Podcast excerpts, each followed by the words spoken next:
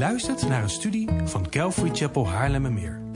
We bidden dat de Heer tot je zal spreken en je zult groeien in jouw persoonlijke relatie met de levende God. Bezoek voor meer informatie onze website calvarychapel.nl. Dat is C-A-L-V-A-R-Y-C-H-A-P-E-L.nl. Goedemorgen iedereen. Uh, voor degenen die mij niet kennen, mijn naam is Mark Laporte. En ik mag uh, vanochtend het uh, woord met jullie weer openen. Dus ik wil vragen of jullie Bijbel kunnen openslaan naar Marcus, hoofdstuk 1. We gaan zo meteen vers 12 en 13 lezen. En ik wil jullie ook aanmoedigen, als dat mogelijk is, om aantekeningen te maken. Dat is altijd goed voor, voor later. Um, we hebben, de afgelopen keer hebben we inmiddels twee stemmen gehoord in uh, die openingsversen van Marcus. Sorry.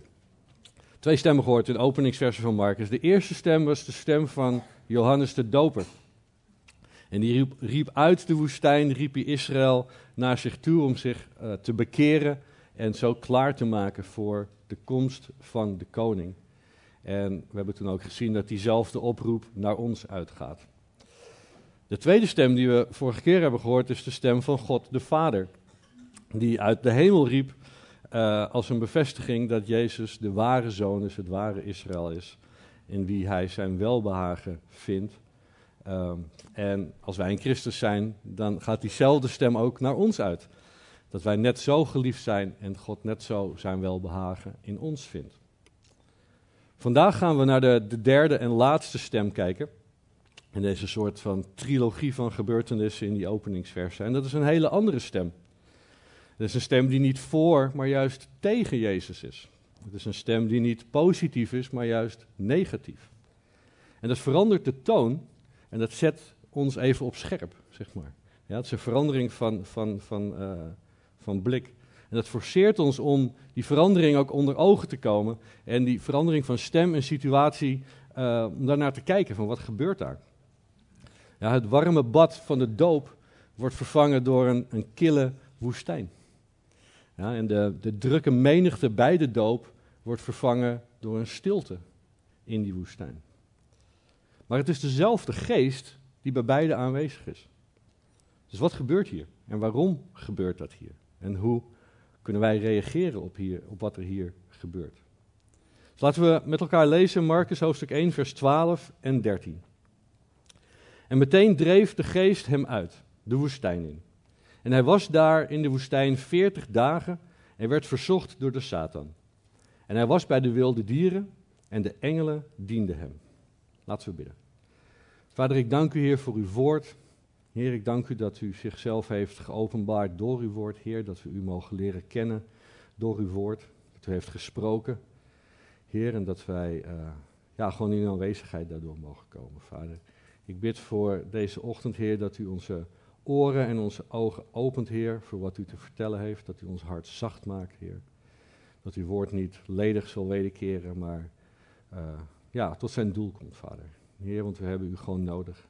Heer, elk moment van de dag hebben we u nodig. We hebben het nodig om u te horen. We hebben het nodig om door u herinnerd te worden, Heer, aan wie u bent en wat u voor ons gedaan heeft, Heer. Dus ik bid voor deze ochtend dat u dat doet in onze harten, Vader. In Jezus' naam. Amen. Om meer inzicht te krijgen in deze versen, in deze verzoeking, moeten we begrijpen, denk ik, waarom het gebeurt. En waarom het ook hier gebeurt. Ja, waarom wordt Jezus hier op dit moment verzocht? Wat we zien en wat we hebben gezien is dat voorafgaand aan deze versen was de doop van Jezus. En als we zouden doorlezen naar de versen die hierna komen, dan zien we dat Jezus gaat beginnen aan zijn bediening. Dat hij Galilea ingaat en dat hij het koninkrijk van God gaat prediken. En dat het koninkrijk van God nabij is. Maar de vraag die we denk ik misschien moeten beantwoorden is: waarom kon Jezus niet direct na zijn doop aan zijn bediening beginnen? Waarom moest die verzoeking daartussenin komen?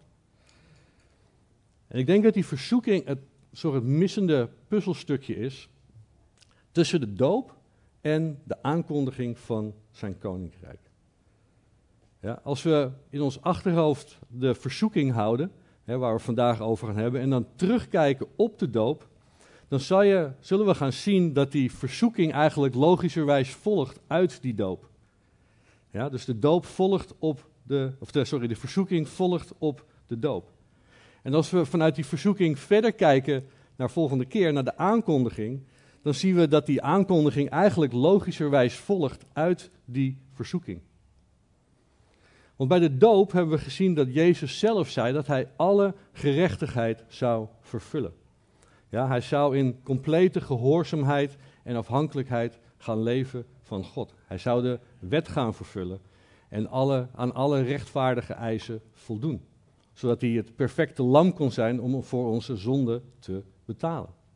We hebben ook bij de doop gezien dat de Heilige Geest uit de hemel kwam, hè, neerdaalde als een duif en de stem van de Vader sprak en die zei, dit is mijn geliefde zoon in wie ik mijn welbehagen heb. Ja, dus we zien een beeld van de zoon van God, dat wordt daar bevestigd, dat hij het koninkrijk komt brengen. En het is precies deze twee claims die getest moeten worden voordat hij aan zijn bediening kon beginnen. Ja, dat, of hij inderdaad in staat is om al die gerechtigheid te vervullen. En of hij inderdaad zijn goddelijke zoonschap, wat hem opgelegd is, voor de vaders doeleinden inderdaad ging gebruiken en niet voor zijn eigen doeleinden ging gebruiken. Dus met andere woorden, zou Jezus zich in complete gehoorzaamheid en afhankelijkheid kunnen onderwerpen aan God de Vader en doen waar hij inderdaad voor gestuurd was. Want die komst van dat koninkrijk is in de, in de eerste plaats een aankondiging van de komende nederlaag van de Satan. Ja, de vorst van deze wereld die momenteel heerst. We lezen in 1 Johannes 3, vers 8.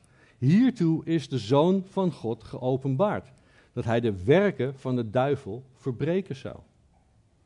Dat is de primaire bediening van Jezus. Dat is waar hij voor gekomen is. Dat is waar wat hij komt prediken. En dat is wat hij komt aankondigen met zijn koninkrijk. Dus die verzoeking in de woestijn is als het ware een soort proefterrein. Een test van trouw.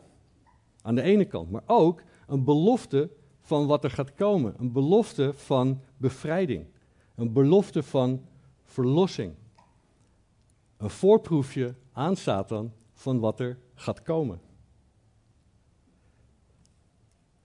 Dus het gevolg van die doop, en voordat hij aan, die bediening, aan zijn bediening begint, voordat hij aan de aankondiging van zijn koninkrijk begint, zien we dat Jezus verzocht wordt om voor zichzelf en voor de Satan en voor ons onomstotelijk duidelijk te maken en te bevestigen waar hij voor gekomen is. Wie hij is en wat hij komt doen. En in het volbrengen van die verzoeking zien we dus bewijsvoering dat God zelf in de vorm van Jezus Christus gekomen is. De ware zoon die alle gerechtigheid komt vervullen. En op die manier verlossing ging brengen door die komst van het koninkrijk. Dus we lezen in dat vers 12 dat Jezus meteen door de geest de woestijn in wordt gedreven. Ja, Jezus heeft geen tijd om te blijven hangen in die heerlijkheid en die glorie van de doop, maar zonder op adem te komen, wordt hij direct in de strijd geworpen. En die geest die we in vers 8 hebben gezien, waarin we gedoopt worden, is diezelfde geest die we in vers 10 hebben gezien, die neerdaalt uit de hemel, maar is ook dezelfde geest die we nu zien, die hem de woestijn indrijft. En dat uitdrijven is een krachtig woord in de grondtekst. Het is hetzelfde woord wat gebruikt wordt voor het uitdrijven van demonen. Het is hetzelfde woord wat betekent dat we iemand uitsturen met een doel. Ja, dus we zien het bijvoorbeeld gebruikt worden als er gevraagd wordt om te bidden dat God meer arbeiders de oogst uitzendt of inzendt. Moet ik dat zeggen? Ja, maar dat is dat uitsturen van met een doel is hetzelfde woord wat daar gebruikt wordt. Het betekent ook met kracht iets verwijderen. We zien dat bijvoorbeeld gebruikt worden in de bekende beeldspraak over de balk en de splinter in het oog. Ja, die eruit moet komen. Dat is hetzelfde woord uitdrijven. Dus Jezus wordt als het ware die woestijn ingeworpen. Hij wordt als het ware gedwongen om daarheen te gaan. Niet dat Jezus terughoudend was of niet welwillend was om te gaan, maar hij was vastbesloten om in overeenstemming met de geest te gaan. Hij moest gewoon daar naartoe. Ik moest denken daaraan in een soort tegenovergestelde uh, zin in Handelingen 16, waar Paulus juist wordt tegengehouden door de geest om naar Azië te gaan, wordt juist Jezus hier gedwongen door de geest om de woestijn in te gaan. Ik wil daar een aantal observaties over maken met jullie. Ik denk het eerste wat we kunnen zien is dat de geest dus blijkbaar aan het werk was in het leven van Jezus. De geest was de drijvende kracht in wat hij deed. We lezen in de paralleltekst in Lucas 4, vers 1. Daar staat: Jezus, vol van de Heilige Geest, keerde terug van de Jordaan en werd door de Geest naar de woestijn geleid. Jezus is vol van de Heilige Geest. Jezus is gevuld met de Heilige Geest. Dus ik denk dat we mogen zeggen dat als we de Geest in ons leven aan het werk willen zien, dat we vervuld moeten worden met de Heilige Geest.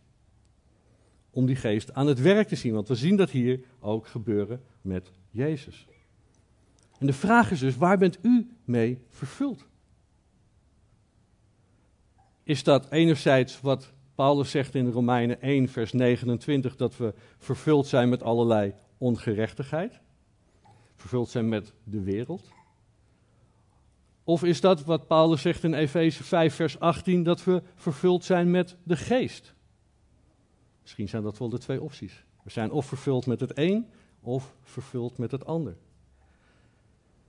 Ja, dus willen we de geest in ons leven aan het werk zien, moeten we met het juiste vervuld zijn. En enerzijds vervuld of anderzijds vervuld, tussen die twee opties, het vervuld zijn is een resultaat, is een gevolg van iets. Als we naar die twee versen zouden kijken, Romeinen 1:29 en Efeze 5, vers 18, dan scheppen beide een context um, waarin we kunnen zien, zeg maar, dat om vervuld te zijn met iets, moet, gaat er iets aan vooraf. Ja, aan de Romeinenkant zien we dat een, wat eraan vooraf gaat, is dat mensen God niet erkennen en God vervolgens hun overgeeft aan verwerpelijk denken. En dat leidt tot vervuld zijn met ongerechtigheid. Aan de andere kant, in Efeze 5, zien we precies in dat vers ervoor, in vers 17, dat het praat dat we niet onverstandig moeten zijn in ons denken, maar juist uh, begrijpen wat de wil van de Heer is. Dus met andere woorden, om met het juiste te vervuld te zijn, met de geest vervuld te zijn, is het aan ons om God te erkennen voor wie die is. Zodat onze gezindheid vernieuwd kan worden. Zodat we de wil van God kunnen onderscheiden. Nou, volgens mij heeft Casper daar een paar preken geleden in Romeinen 12, 2 uh, een hele preek over gehouden. Maar die, die keuze is aan ons. En waar kiezen we dus voor om mee vervuld te worden? Tweede observatie is dat Jezus werd geleid door de geest. Hij was vervuld met de geest, hij was vol met de geest en hij liet zich daarom ook leiden door de geest. De geest bepaalde wat Jezus deed. Niet onder dwang, niet met tegenzin, maar hij onderwierp zich aan de wil van de geest. En hij koos ervoor om zijn wil gelijk te maken aan dat van de geest. Maar ook voor ons als nieuwe schepping, als we in Christus zijn, als we begraven en opgestaan zijn met Hem, kunnen wij ook in Zijn wil wandelen. Kunnen wij ook geleid worden door de geest. Misschien wel kunnen we zeggen dat alleen dan kunnen we kiezen en geleid worden door Hem. Als onze wil gelijk geworden is aan de wil van de geest. Dat we ons door Hem laten leiden. Romeinen 8, vers 14 zegt: Immers, zoveel als er door de geest van God geleid worden, die zijn kinderen van God. Dus met andere woorden, als we door de geest geleid worden, is dat een indicatie dat we kinderen van God zijn. En we hebben net in het vers ervoor gezien dat God de Vader uit de hemel spreekt en zegt: Dit is mijn geliefde zoon, dit is mijn geliefde kind. En Jezus bewijst dat hier door geleid te worden door de geest. En datzelfde geldt voor ons. Als we ons laten leiden door de geest, is dat een indicatie, is dat bewijs dat we kinderen van God zijn. Dus wat is de rol van de Heilige Geest in ons leven? Laten we ons leiden door de Geest. Anderzijds, als we andersom naar kijken, wat weerhoudt ons om ons te laten leiden door de Geest? Wat staat er in de weg om je te laten leiden door de Geest? Derde observatie is dat de Geest Jezus de woestijn inleidt. De Geest leidt dus blijkbaar niet altijd naar de mooiste en de beste plekken en de beste omstandigheden. Ja, we kunnen zeggen uit Gods woord dat de Vader goede gaven geeft aan hen die tot hem bidden. En dat elke goede gave een volmaakt geschenk is van boven. En dat alles bijdraagt aan het goede voor wie God liefhebben. Dat is allemaal waar. Maar de weg daar naartoe kan door de woestijn zijn. Het kan zijn dat dat is waar de geest ons naartoe leidt en doorheen leidt. En dus accepteren we dan ook als de geest ons naar barre omstandigheden leidt. Vertrouwen we dan ook nog steeds op de goedheid van God als we in een woestijn zitten? Onderwerpen we ook dan ons naar zijn wil? Ik moest denken aan de wellicht bekende uitspraak van Job. Die zegt: Zouden we het goede wel van God ontvangen en zouden we het kwade niet ontvangen? Wat als het goede van God, als de goede gaven van God komen als een resultaat van een tijd in die woestijn? Ik denk dat we dat alleen kunnen ondervinden op het moment dat we ons overgeven aan de leiding van de geest in ons leven. En als dat door een woestijn is, dan is dat door een woestijn. Maar er gaat iets moois uitkomen.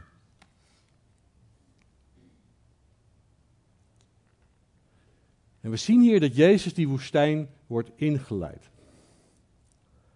En hoe gaat Jezus om met dat waar de geest hem naartoe leidt? We lezen over 40 dagen in de woestijn, verzocht, hongerig, omringd door wilde dieren. Dat is waar de geest hem naartoe leidt. Dat is waar de geest hem wilt hebben. En wederom, als we teruggaan naar de parallelversen in Lucas hoofdstuk 4, vers 2, dan staat er dat Jezus door de geest naar de woestijn werd geleid, waar hij 40 dagen verzocht werd en hij at niets in die dagen. Dus waarom leidde de geest hem de woestijn in? Om 40 dagen lang blootgesteld te worden en aan de continue verzoekingen van de Satan. Onder de meest barre omstandigheden, in een kille woestijn, zonder eten, met wilde dieren. Dat is waar de geest hem naartoe leidde. Dat is waar de geest hem blijkbaar wilde hebben. Maar hou het doel in gedachten. Ja? Wat zijn de versen die hier direct nakomen? Jezus kan en gaat zijn bediening beginnen. Hij gaat de komst van het koninkrijk aankondigen. En dat leidde tot zijn dood en wederopstanding, waardoor hij de redder van de wereld kan zijn voor een ieder die gelooft. Dus komt er iets goeds uit het volgen van de geest? Ja. We kunnen zeggen dat de kruisiging van Jezus en wat Jezus daar heeft gedaan niet alleen een goede gave is, maar het meest perfecte en volmaakte geschenk wat God ons kan geven. Maar om daar te komen, moest Jezus door de woestijn. Dus we zien hier in dat vers 13 zien we vier elementen terugkomen. Ja, hij was in de woestijn voor 40 dagen. Hij werd verzocht door de Satan. Hij was bij de wilde dieren en hij werd gediend door engelen. Nou, die 40 dagen is een bekend terugkerend thema in Gods woord. Ja, Mozes is twee keer voor 40 dagen lang op de berg. Elia maakte een 40 dagen lange tocht naar die berg. Er was 40 dagen regen bij de zondvloed. Israël was 40 jaar in de woestijn omdat ze de belofte of niet uh, de 40 dagen van het beloofde land verkennen, niet vertrouwden en God strafte hen daarvoor. De boodschap van Jonas was dat de, Jonas, sorry niet Jonas, Jona was dat de Nineveh over 40 dagen ondersteboven werd gekeerd. Jezus is 40 dagen lang bij de discipelen na zijn wederopstanding.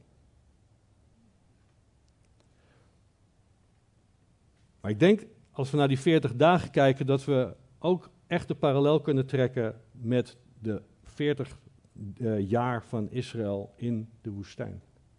En als we de parallelversen in Matthäus erbij zouden pakken, hè, dat alle verzoekingen ook echt, hè, de drie verzoekingen in ieder geval, daar voorbij komen. En we leggen daar een gedeelte uit het Oude Testament naast, dan zien we heel duidelijk die parallel. Ik wil met jullie lezen Deuteronomium hoofdstuk 8, vers 2 en 3.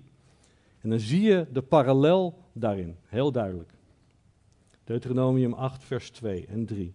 En daar staat: Ook moet u heel de weg in gedachten houden waarop de Heere uw God u deze 40 jaar in de woestijn geleid hebt, opdat hij u zou verootmoedigen en u op de proef zou stellen om te weten wat er in uw hart was, of u zijn geboden in acht zou nemen of niet.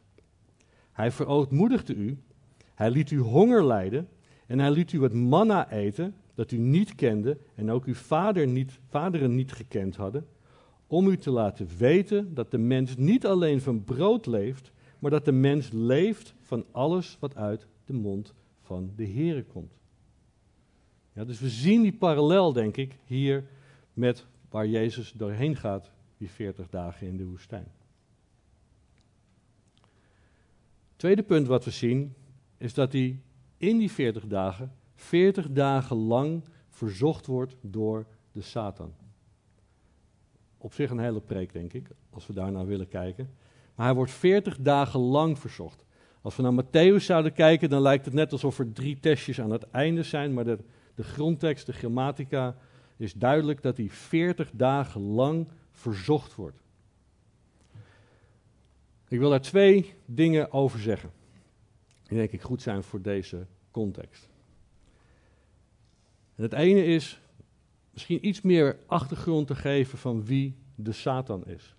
Zodat we weten door wie die verzocht wordt. Het woord Satan betekent tegenstander. En Satan is een gevallen engel en de vijand van God. En dus de vijand en de tegenstander van ieder die God volgt. Hij is onze tegenstander ook. En oorspronkelijk was hij goed. Maar hij koos ervoor om te rebelleren en nam daarmee vele engelen mee in zijn val. Maar we moeten inzien dat Satan een geschapen wezen is. Niet gelijk aan God. Een persoonlijk wezen met een geest, met emoties, met een wil. Die alleen kan doen wat God hem toestaat om te doen. Satan reageert, regeert niet over de hel. Nog leeft hij daar. Ja. Hij is niet alomtegenwoordig, maar hij kan slechts op één plek tegelijk zijn. En hij heeft een, wel een hele horde aan gevallen engelen tot zijn beschikking. En als we Efeze 6, vers 12 zouden lezen, dan worden ze omschreven als de wereldbeheersers van de duisternis van dit tijdperk. Of de geestelijke machten van het kwaad in de hemelse gewesten.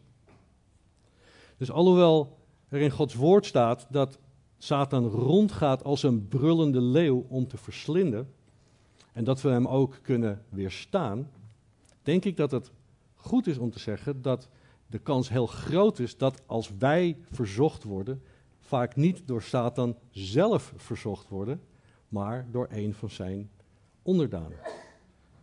Ja, want hij kan namelijk maar op één plek tegelijk zijn. Maar hier in deze tekst staat er heel duidelijk dat het Satan zelf is die Jezus verzoekt. En haalt, hij haalt alles uit de kast om dat te doen.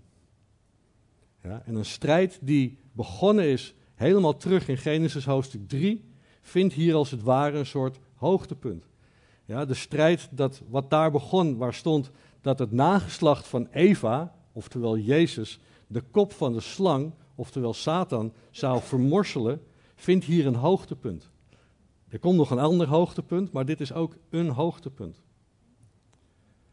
Bijbelcommentator Bruce Barton die zegt het volgende hierover.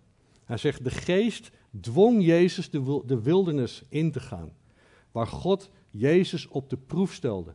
Niet om te zien of Jezus er klaar voor was, maar om te laten zien dat hij klaar was om de missie te volbrengen. Satan had echter andere plannen. Hij hoopte Jezus te verleiden kwaad te doen en daardoor zijn missie te dwarsbomen. Einde citaat. Dus dat is de Satan. Dat is waar Jezus mee te maken heeft in die 40 dagen. 40 dagen lang is die Satan bij Jezus om hem te verzoeken. Tweede punt is dat Jezus dus wordt verzocht. Hij wordt getest, kunnen we zeggen. Hij wordt verleid door de Satan. Die 40 dagen lang. En als we naar de paralleltekst in Matthäus 4 zouden gaan, dan kunnen we zien aan het einde van die tekst, van die situatie, dat de Satan hem laat gaan. Met andere woorden kunnen we concluderen dat Jezus dus succesvol weerstand heeft geboden aan de Satan. Waarom? Omdat Gods woord in Jacobus 4, vers 7 zegt: Bied weerstand aan de duivel en hij zal van u wegvluchten. Dus Jezus zondigde niet. Jezus heeft nooit gezondigd. Hij was zonder zonde. Er zijn heel veel versen die dat duidelijk maken. Eén voorbeeld is 1 Petrus 2, vers 22. Hij, Jezus, die geen zonde gedaan heeft. Dus Jezus heeft in die 40 dagen onder druk van al die verzoekingen en verleidingen niet gezondigd. Maar dan heb je misschien, tenminste ik had, de vraag in je hoofd, misschien heeft u die ook, kon Jezus überhaupt wel gezondigd hebben? Was het überhaupt mogelijk voor de Satan om hem dusdanig te verleiden dat hij inderdaad zou zondigen?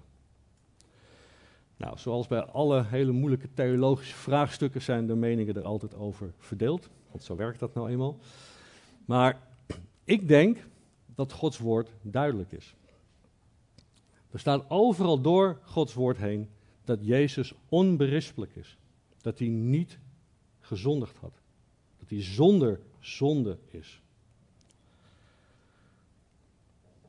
Jezus is namelijk de Godmens. Ja. Hij is volledig God, hij is volledig mens. Onscheidbaar verenigd in één persoon. Colossense 2, vers 9 zegt: Want in hem, in Jezus, woont heel de volheid van de Godheid lichamelijk. Niet een beetje, niet 90%, niet 99%, heel de volheid van de Godheid. Dus aan de ene kant kunnen we zeggen dat als we geloven dat Jezus kon zondigen, dat we dan ook moeten zeggen dat we geloven dat God kon zondigen. Maar Gods woord is duidelijk dat God niet kan zondigen.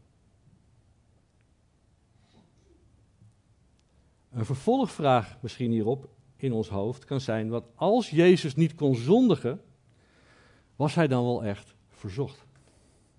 Kon hij zich wel echt inleven met onze worstelingen en verleidingen tegen de zonde? Dat is een goede vraag. Ik wil je drie versen meegeven die hopelijk wat inzicht daarin geven, zodat we een, ehm, ja, waar we gewoon in, in, goed naar kunnen kijken, zeg maar, en gewoon een inzicht geven van hoe dat is geweest. Het eerste vers is Jacobus 1, vers 13. Jacobus 1, vers 13. En daar staat: God immers kan niet verzocht worden met het kwade. God kan niet verzocht worden met het kwade. God kan niet zondigen. Dat is het eerste vers. Tweede vers. Hebreeën 2, vers 17 en 18. Daar staat dit. Daarom moest hij, Jezus, in alles aan zijn broeders gelijk worden. Met andere woorden, hij is 100% mens, net als u en ik. Daarom moest hij in alles aan zijn broeders gelijk worden, want waarin hij zelf geleden heeft toen hij verzocht werd, kan hij hen die verzocht worden te hulp komen. Ja? Hij heeft zelf geleden toen hij verzocht werd en kan daardoor te hulp komen hen die verzocht worden. En het derde vers is in ook in Hebreeën, vers 4, vers 15. Misschien een bekend vers. En daar staat dit. Want wij hebben geen hoge priester die geen medelijden kan hebben met onze zwakheden, maar één die in alles op dezelfde wijze als wij is verzocht, maar zonder zonde. Dus als je die drie versen samenneemt, kunnen we zeggen dat Jezus, de Godmens, ja, volledig God, volledig mens, onscheidbaar verenigd in één persoon is. En als God kan hij niet zondigen. Maar als mens is hij in alles aan ons gelijk. Is hij in alles op dezelfde wijze verzocht als wij. En heeft hij daadwerkelijk geleden toen hij verzocht werd. Met andere woorden, Jezus weet wat het is om verzocht te worden. Hij weet het, wat het is om verzocht te worden in de meest barre en brute omstandigheden.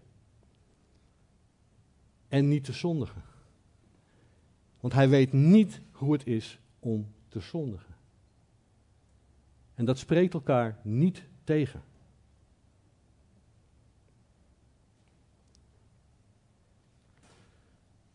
Derde ding wat we zien in dit vers is dat hij bij de wilde dieren was. Marcus is de enige die daar iets over zegt. Ja.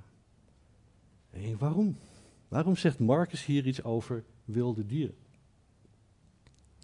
Het kan zijn omdat Marcus ook al twee keer in een hele kort tijdsbestek het heeft over de woestijn, dat hij denkt, want dat was duidelijk in die tijd, in de woestijn zijn wilde dieren, dus ik geef dat mee als een soort extra beeldspraak in het geheel. Ja, als een soort logisch stukje. Het kan ook zijn, omdat Marcus zeer waarschijnlijk in de tijd van Nero is geschreven, dat hij dat meeneemt omdat Jezus, om te zeggen dat Jezus, net als de christenen toen in de tijd van Nero, voor de wilde dieren geworpen werd. En dat Jezus zich kan identificeren met de strijd waar de christenen in die tijd doorheen gingen, aan wie Marcus schreef. Kan ook. Ik denk ook dat het het beeld verscherpt waar Jezus doorheen gaat. Ja? Satan haalt alles uit de kast. Hij is echt op super vijandig grondgebied in die woestijn. Met wilde dieren. Het kan ook zijn dat we het als een contrast moeten zien. Waar de eerste Adam in een prachtige, vredige tuin zondigde, is het de laatste Adam die in een dorre, vijandige woestijn niet zondigt.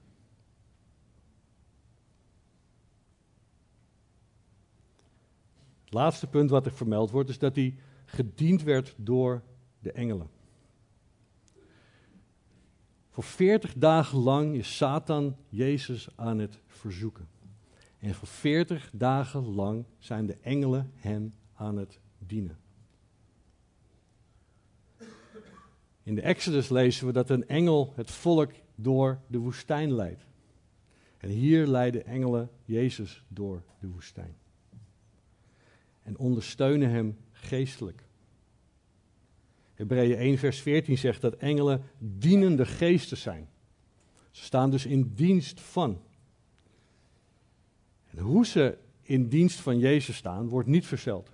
Dat weten we niet. Maar ik denk dat als we naar de rol van engelen zouden kijken in Gods woord, dat we misschien een beeld kunnen hebben van wat de engelen in die 40 dagen lang voor Jezus gedaan hebben. Een rol van de engelen is dat ze antwoord zijn op gebed. Ja, we zien dat in Handelingen 12, als Petrus in de gevangenis zit en de gemeente voor hem bidt. En wie komt er? Er komt een engel om Petrus uit de gevangenis te bevrijden. Ze zijn een antwoord op gebed. Engelen kunnen ook een versterkende kracht zijn. We zien dat bij Jezus zelf in Lucas 22, als hij in Gethsemane is, dat er engelen komen om hem kracht te geven. We zien het ook in Handelingen 27 bij Paulus, als hij op een zware storm is, dat er een engel komt om hem kracht te geven.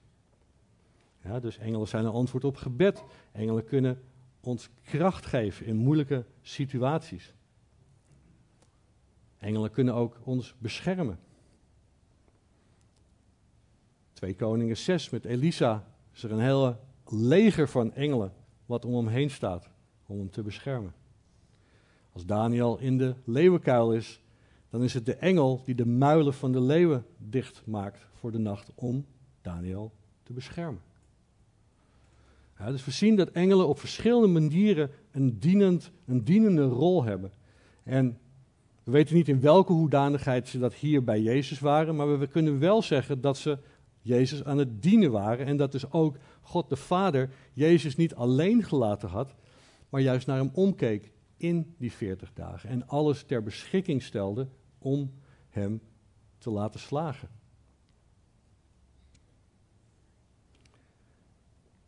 Dat is wat die versen zeggen. Dus ik wil afronden door jullie zeven korte bemoedigingen te geven voor onze dagelijkse strijd. Want net als Jezus hier 40 dagen verzocht wordt en in een strijd zit, worden wij ook verzocht en zitten wij in een geestelijke strijd. Dus ik heb zeven hopelijk korte, uh, nou niet hopelijk kort, hopelijk bemoedigingen, uh, want ik weet dat ze kort zijn, want ik heb het opgeschreven. En maar zeven bemoedigingen, dat hopelijk bemoedigingen zijn voor jullie in onze dagelijkse strijd. De eerste is, de geest leidt ons naar meer vrucht.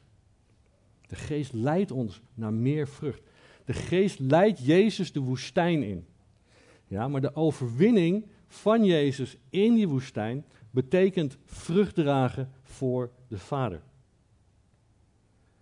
En dat is dezelfde rol die de geest in ons leven wil hebben.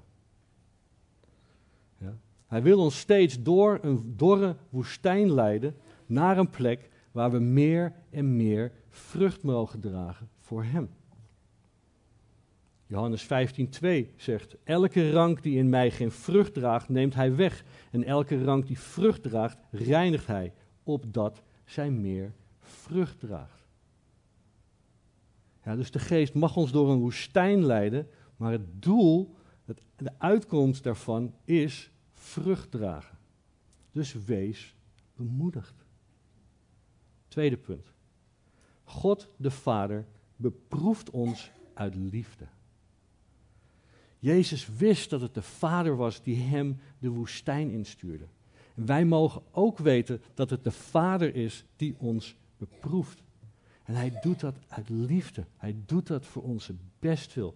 Zodat we mogen weten dat ons geloof echt is. Dat we mogen weten dat we echt zijn kinderen zijn. Dat we mogen weten dat als we in Hem geloven, dat er niets te groot is door ons geloof in Hem. 1 Johannes 5, vers 4 zegt, want al wat uit God geboren is, overwint de wereld. En dit is de overwinning die de wereld overwonnen heeft, ons geloof. Wie anders is het die de wereld overwint dan hij die gelooft dat Jezus de Zoon van God is. Dus wees bemoedigd. Derde punt. Beproeving doet ons groeien in karakter. Jezus moest in zijn beproeving zichzelf onder ogen komen. Ja, het was een punt waarin hij kon uitvinden wie hij was en waar hij voor stond. Ja, hij wist wie hij was als tweede onderdeel van de drie-eenheid, maar hij wist misschien nog niet helemaal wie hij was in zijn bediening als mens en God tegelijk. Ja, dus in zijn beproeving moest hij zichzelf onder ogen komen, uit te vinden wie hij was en waar hij verstond. De bekende Albert Einstein heeft niet alleen natuurkundige dingen gezegd, maar blijkbaar ook deze uitspraak.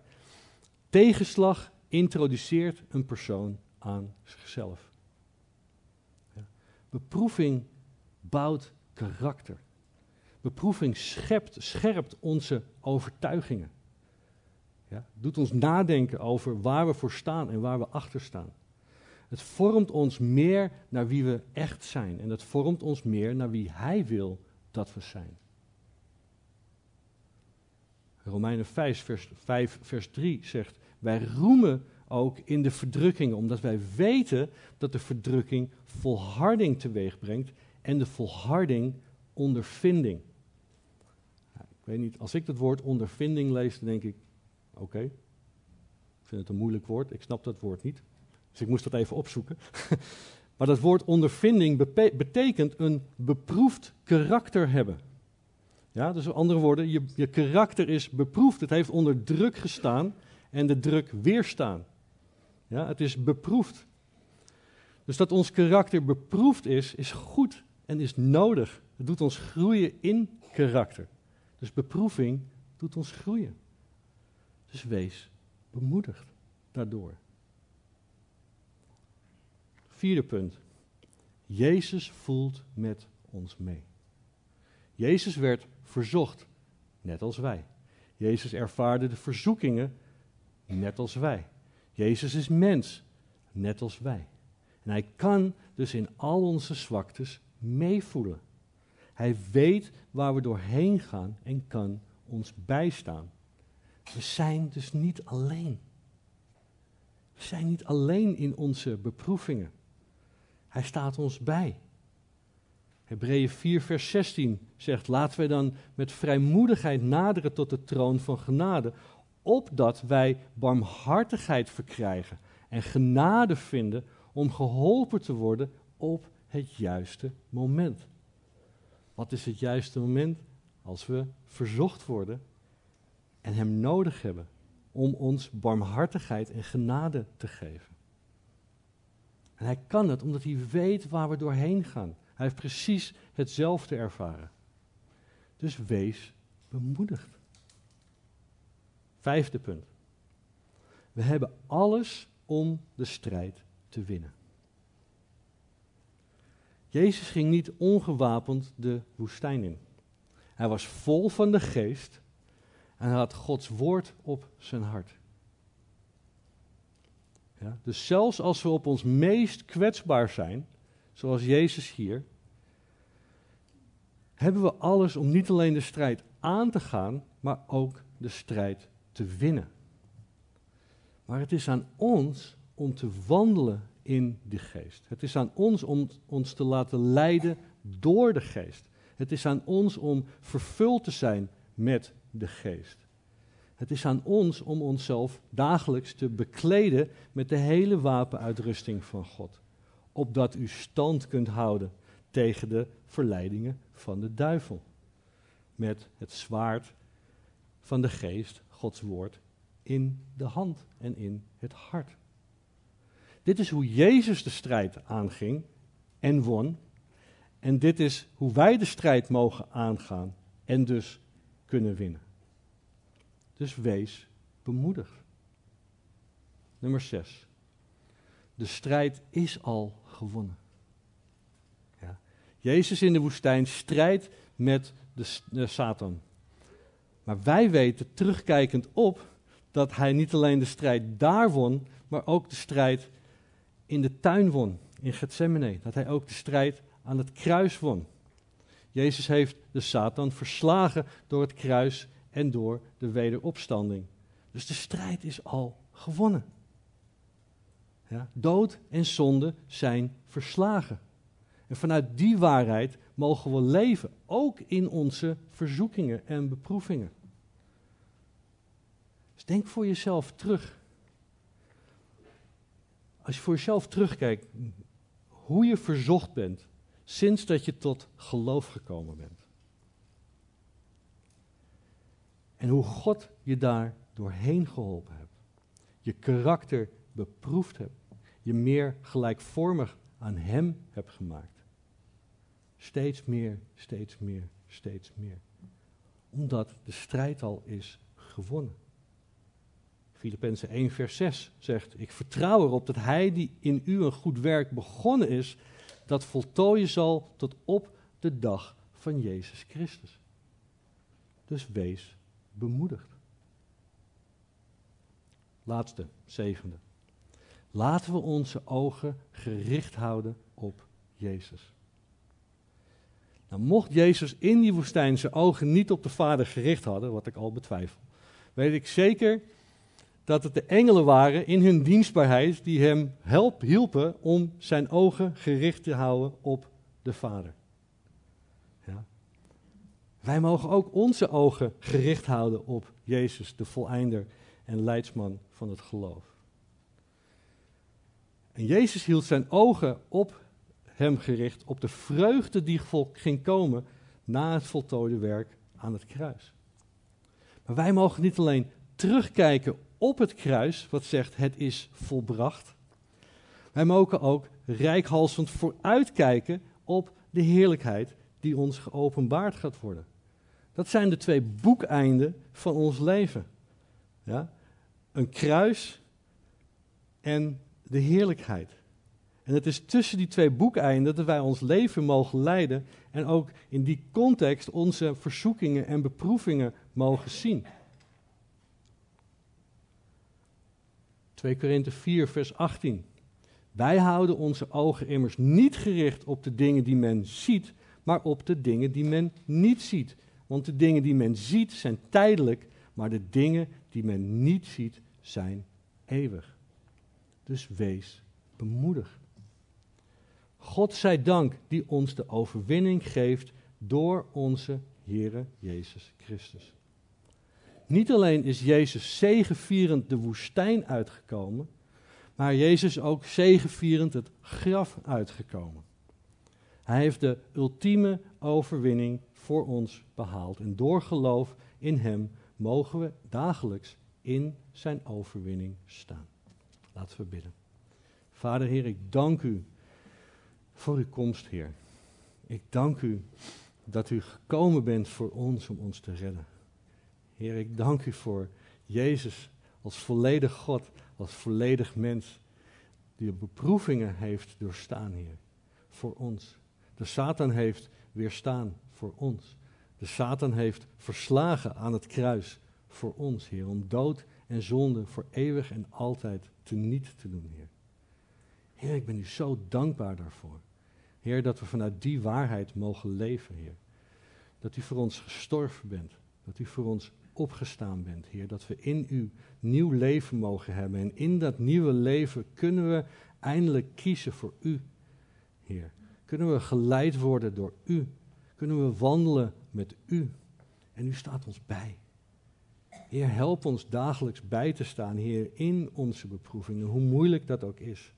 Heer, en in ons falen, wat er zal zijn, Heer, dan, dan pakt u ons weer op. En zet u ons weer recht op en zet u onze ogen weer waar die moeten gericht moeten zijn, Heer. Heer, ik ben u zo dankbaar daarvoor, Heer. Bewerk het meer en meer in ons hart, Heer, dat u dat voor ons heeft gedaan. Heer, dat we niet de dag alleen door hoeven te gaan, maar dat u naast ons loopt, met ons bent, voor onszelf, voor ons zorgt, Heer, ons bedient. Dat u dag in, dag uit voor ons pleit bij de Vader, Heer. Voor ons.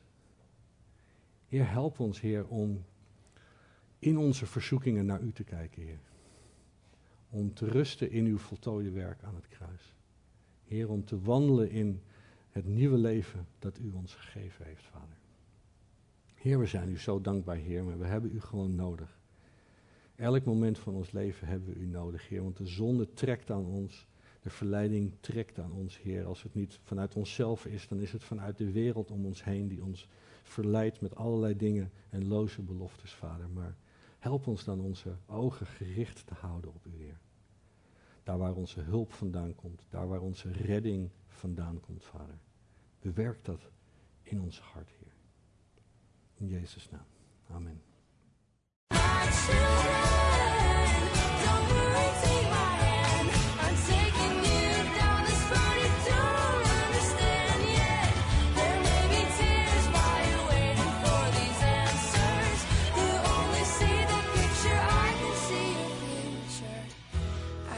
Tell you right now, it's gonna be alright.